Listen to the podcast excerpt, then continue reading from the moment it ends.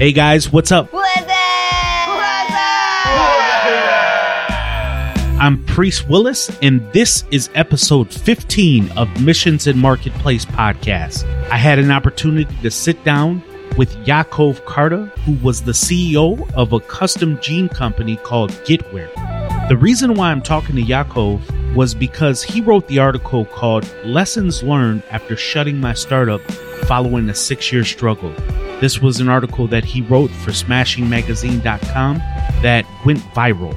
People started sharing it on Twitter, and I think the reason why it resonated so strongly with people, including and especially entrepreneurs, was because it was a story of failure, but at the same time, a story of redemption. Not every time when we hear stories and businesses that had to be shut down or closed because of financial reasons or inventory wasn't right or there was some things that they laid out in their business plan that ultimately didn't work, that doesn't always mean failure. There is success in failure, there's life after failure.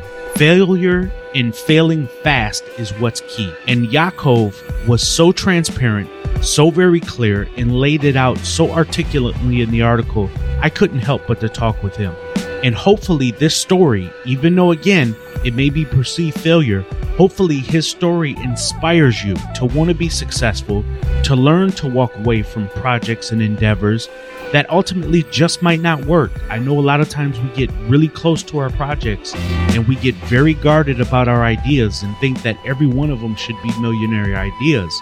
But there comes a time when you may have to walk away from it and say, this just doesn't work and move on to the next project that will. Hopefully, you're encouraged by this. Without further ado, here is Yaakov Karda. Welcome to Missions and Marketplace Podcast. Join us as we talk to business and thought leaders to discuss their passions in and outside of business and how it drives them to give and be citizens of goodwill. Let's get started. Yaakov, welcome to the program. Hi, Priest. Thank you Glad for to be here. Yeah, thank you for joining us. I'm really happy to have you on the show here today. Before we get into your story, if you don't mind, can you tell us a little bit about yourself and tell us how you started as an entrepreneur? If it was before Getwear and what were some of the things you did? I was a student of molecular biology, we can say genetics, in university. And then me and my wife, we were studying together. We realized that we do not want to pursue a career in science. First of all, she is really gifted as a designer. And second, we saw no good perspective in science. So we thought that we want to be better on our own. And actually, you know, I was in love with organizing things right from the from childhood. So in school and in university and so on. Like I like to plan and build systems and not to, you know, follow somebody's rules and command and so on. Isn't that most entrepreneurs? Most entrepreneurs, they don't really want to follow anybody else. They want to do their own thing. Yeah, yeah, yeah, yeah. Obviously, uh, we started our small clothing brand, like you know, designer clothing brand. It was back then in St. Petersburg, Russia, and there was almost no demand for designer wear in Russia. A little one that was present, a small one that was present, limited one that was present. uh, it was only for foreign designers. So we thought like what we would do, we would go study in Italy, in Milan, because Milan is the capital of fashion. Everybody knows that, right? And then we can grow both in Russia and both internationally as, you know, designers with Milanese education. So that was the plan. And then, like, yeah, I picked a program. It's the Instituto Europeo di Design, basically European Design Institute, where they have all the kind of problems of programs. Sorry. Uh, mine was called Business of Fashion and Product Management in Fashion, I believe, something like this. So it was product management, business management, you said? Yeah, I said it was business of fashion, fashion marketing and management with the focus on fashion product management. Yeah, that's what it was. Got it.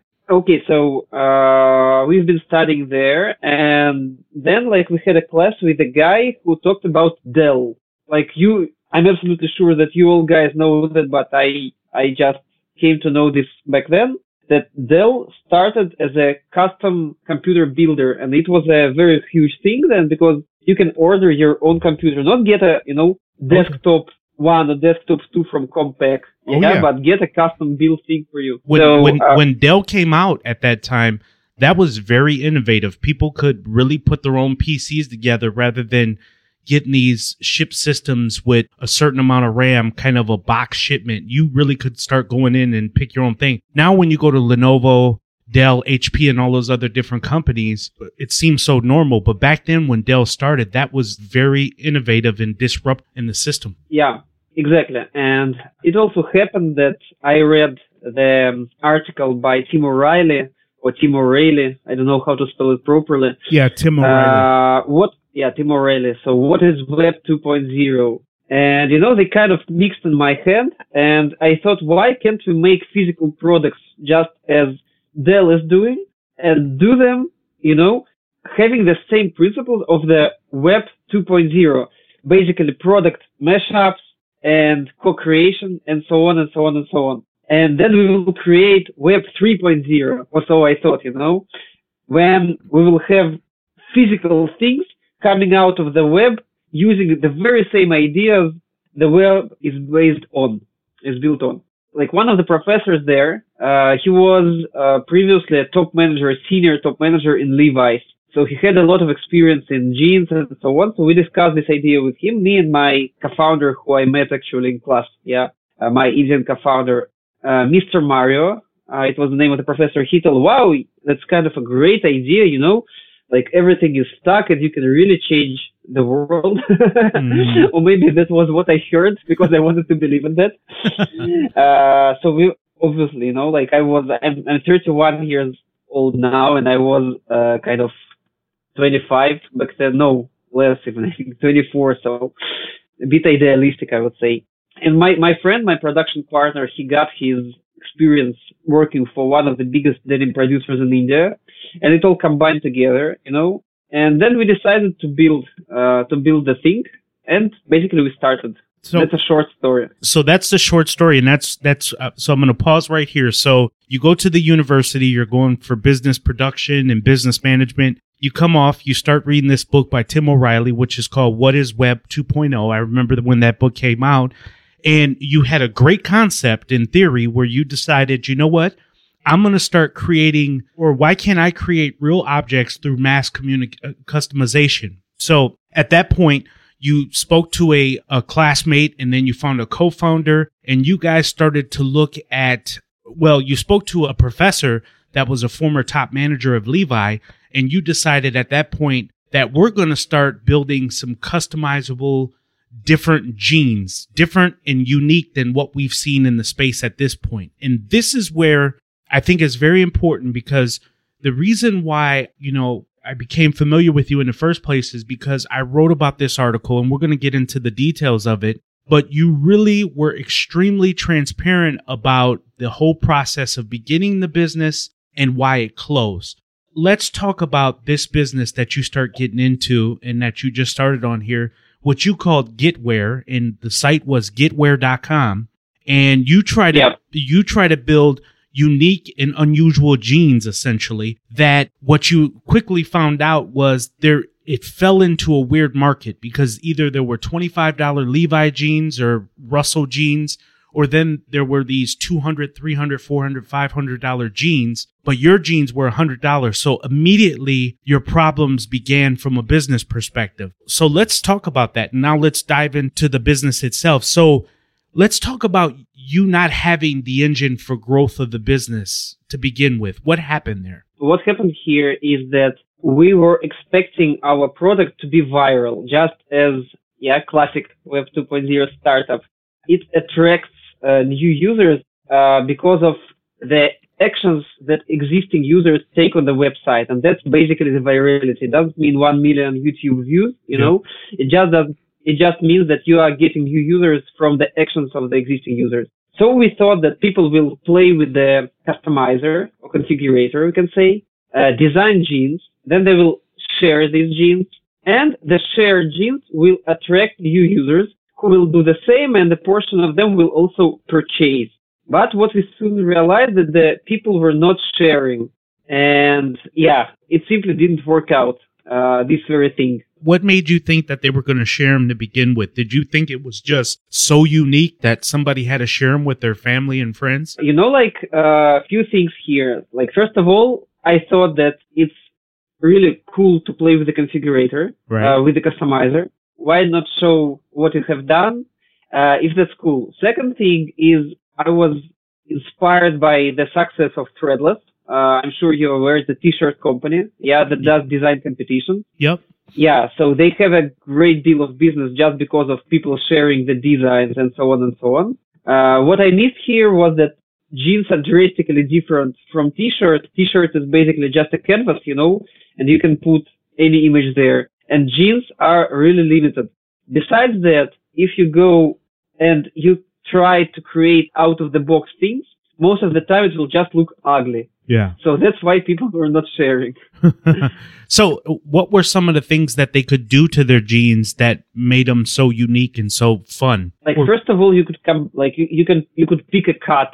Yeah, and uh, I invite all of your listeners to subscribers uh, to check the website because it's still up and you can still play. You cannot order obviously, but you can still play and see like uh, if you did a good job making fun customizer. So you can pick a cut.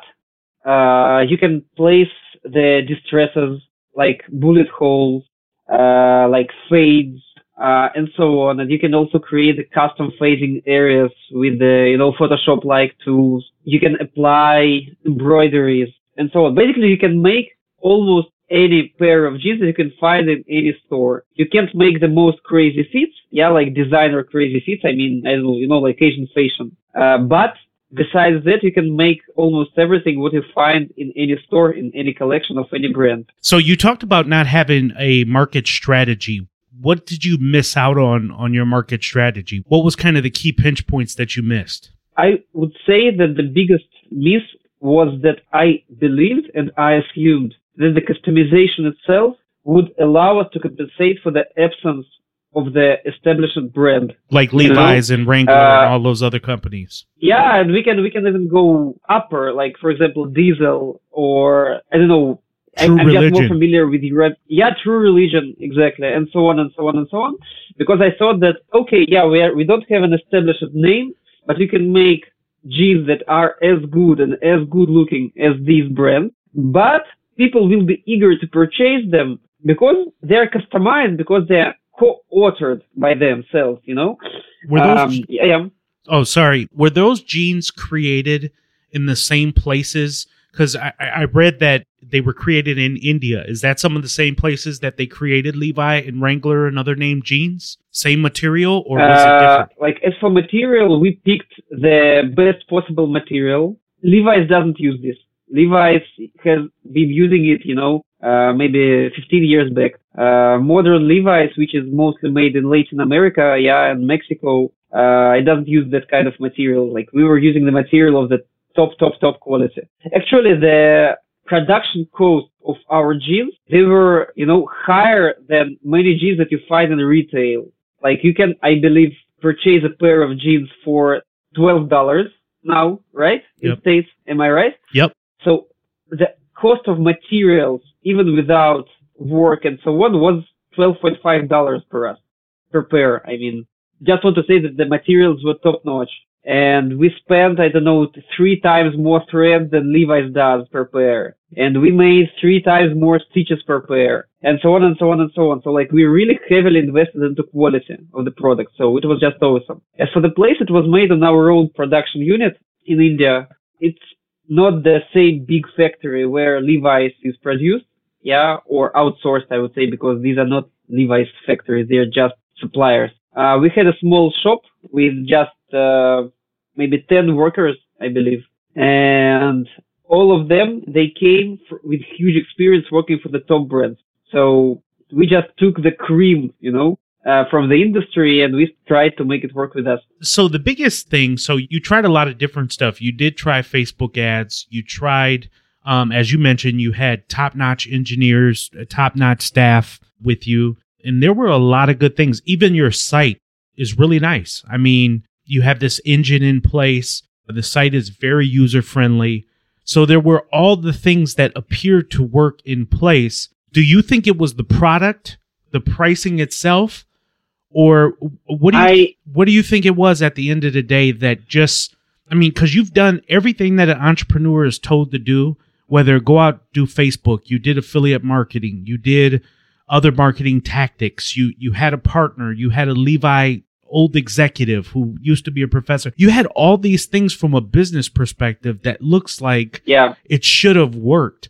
Do you think it was just Yeah. the product at the end that didn't work? I would not say the product, a concept, you know, because when people tend to buy jeans, I would say there are two types of jeans buyers. First are regular fools that just want to cover themselves. Yeah, and they're getting jeans for twelve dollars and they don't give a damn yeah on what they're actually wearing. Right. Yep. Second guys, they're buying some kind of a dream, you know, some kind of a brand, some kind of an attitude. I would say that it's a bit similar to mobile phones, to smartphones. There are guys who are just getting their cheap Android, yeah, and that's okay because it's cool, yeah. And there are the guys who are purchasing Apple, and it's very hard, if not impossible, to push a person who is used to purchasing Apple to some other phone, yeah, Yep. no matter how great it is. For example, if Xiaomi now, uh, you know Xiaomi, I don't know if I'm spelling it correctly, it's Yep. X I, yeah, you understand, yeah. Yeah. So if it starts starts selling in States, Xiaomi Yeah, yeah. is a is a China phone company basically. yeah, exactly, and they're making great phones, Yep. or at least that's what I've heard. But I do not see myself or any other person who owns uh, an iPhone switch to uh, to Xiaomi to Xiaomi, no matter how great it is, because you know when you're getting an iPhone, you're getting a certain kind of idea, and you place yourself in a, some kind of an imaginary world that you like. It's a lifestyle product. It's not just a necessity product. You understand? hmm And the same with the jeans. Jeans are a necessity product only when they're 12 bucks. And when they're for more, it's already a lifestyle. And there is such things as, you know, peer acceptance of that. Yeah. How cool it is among your peers and so on and so on and so on. So, uh, I just believe that it doesn't only relate to our business, but mass customization cannot be a solution to building a successful company without building a super strong brand or without having a super strong brand. And then we come to an interesting conclusion because if you already have a super strong brand or you can build a super strong brand, then you are probably well off without customization. Yes, makes total sense. So let me ask this question: How hard was it after you went through all these processes? And this this was a six year journey. We need to make sure that's understood from the beginning to the end. But at some point, Yeah. you and your your team members, you decided that this just isn't working. How hard was it to walk away from it all after building it up to that point? See, you know, like I remember very good a moment. I was sitting uh, at the seashore and I was talking to my friend, and her startup was going really bad at that time, uh, and she had to close. And she told me, "Okay, Yakov, you know, go and read this lean startup book." And I told her, "No, I've already read all the business books. I know it better. I can write my own business book. You know, I just don't want to go and." Read once again, you know, this common sense advice. Yeah. Uh, so, and she told me, okay, just give it a try. So I gave it a try, and you know, but I was really sucked in because it resonated so much with me. Like I learned about how the businesses work, how you have to validate the ideas, uh, how you can understand if your business is not really going good, and how you can drop it. And you know, reading about this, this is called Valley of Death. Uh, when the startup it becomes, you know, a walking dead. Because if you have fooding, you can continue, but it's really like the heart is not beating and it was exactly our situation you know? Yeah. when i realized it i felt relief you know? Because i was getting depressed already because when you are doing something for six years and all the time you're feeling that the success is just right around the corner and then you go to this corner and then there is no success there and you have around another corner um it's very tough actually it was great to it was great to drop it uh, again, I'll go back to what I said earlier. One of the reasons why I really appreciated your blog was because it was very transparent and very real. Because I've known entrepreneurs that even after closing their business, they try to make excuses for why it didn't work. But you got down into the nitty gritty numbers, all the way down to the conversions and the what you've tried financially in the business, and admitted that it just didn't work. And here's one thing that entrepreneurs have to be able to accept your idea you may think is a really, really good idea, but if you haven't seen progress after so many years, like six years, for example, then it just it just doesn't work and it's time for you to close it. I have a, a mentor, uh, his name is Jalem Getz.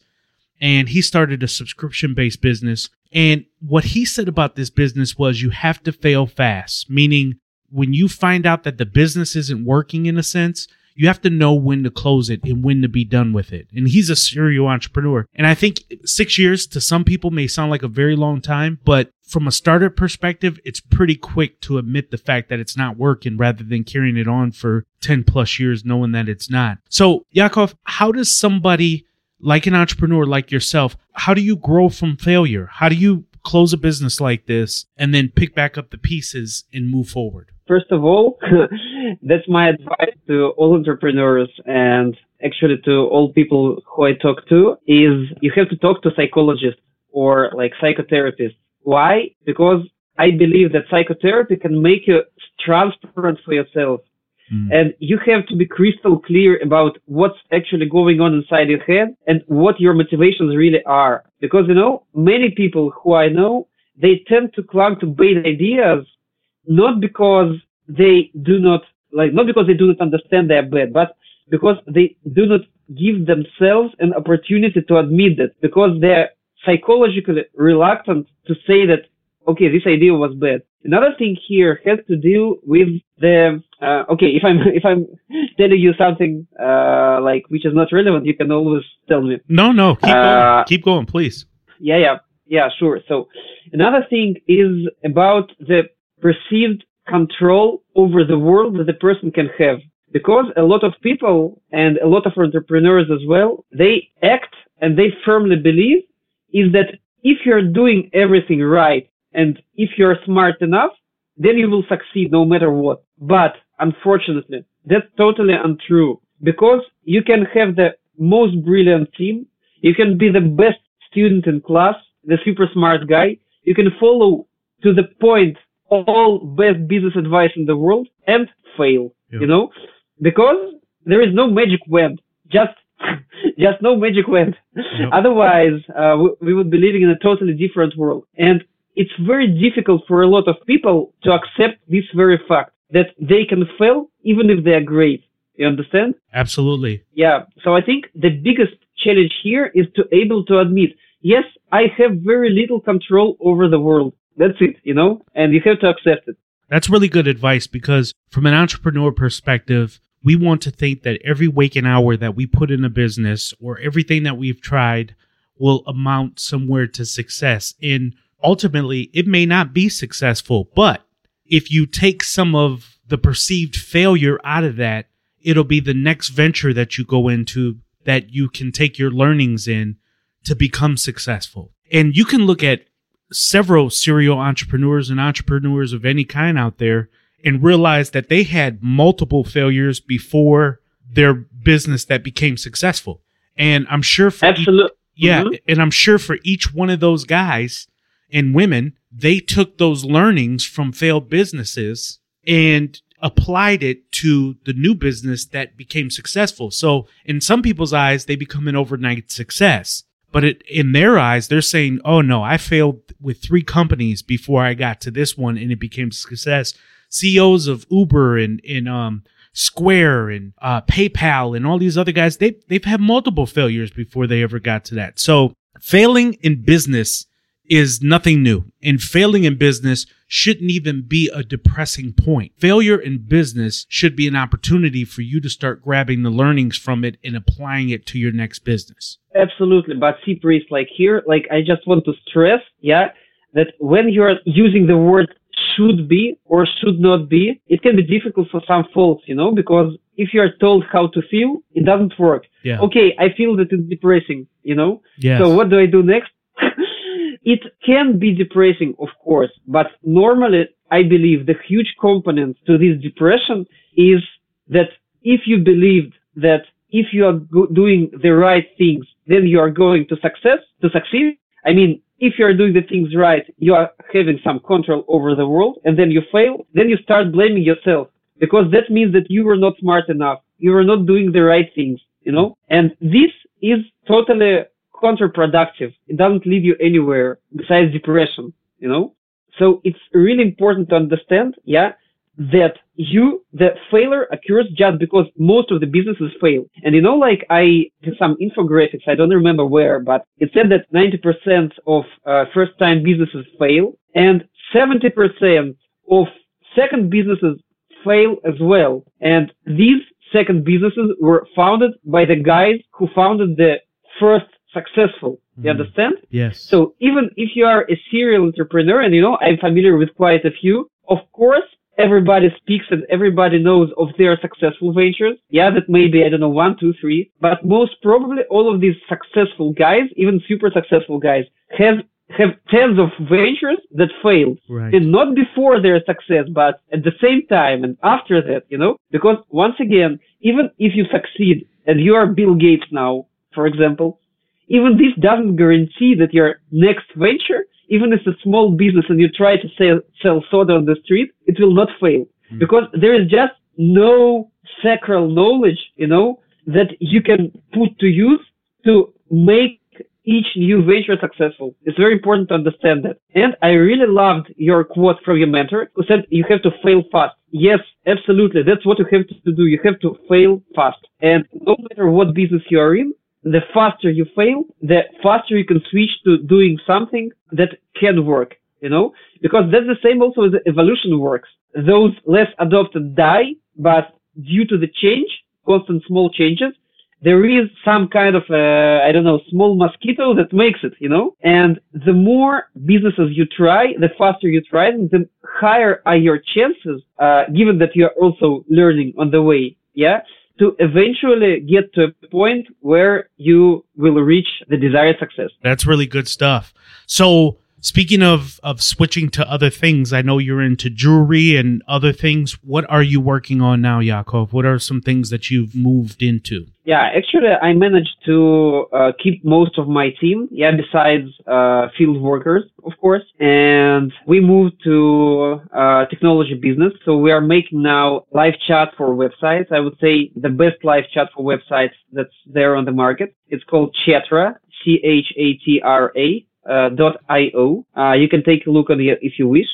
My first business, Getwear, it was very ambitious business. We wanted to make the revolution, change the world, and so on. And now we just decided, okay, guys, now we will go for an existing market where there is a demand, uh, there are clients, and yes, we won't make a revolution here. I believe. But I think we can make a profitable business, and that's what concerns me uh, most at this time. So Chatra, um, which you guys can check out at c-h-a-t-r-a dot io. That's a modern live chat software, which you call it.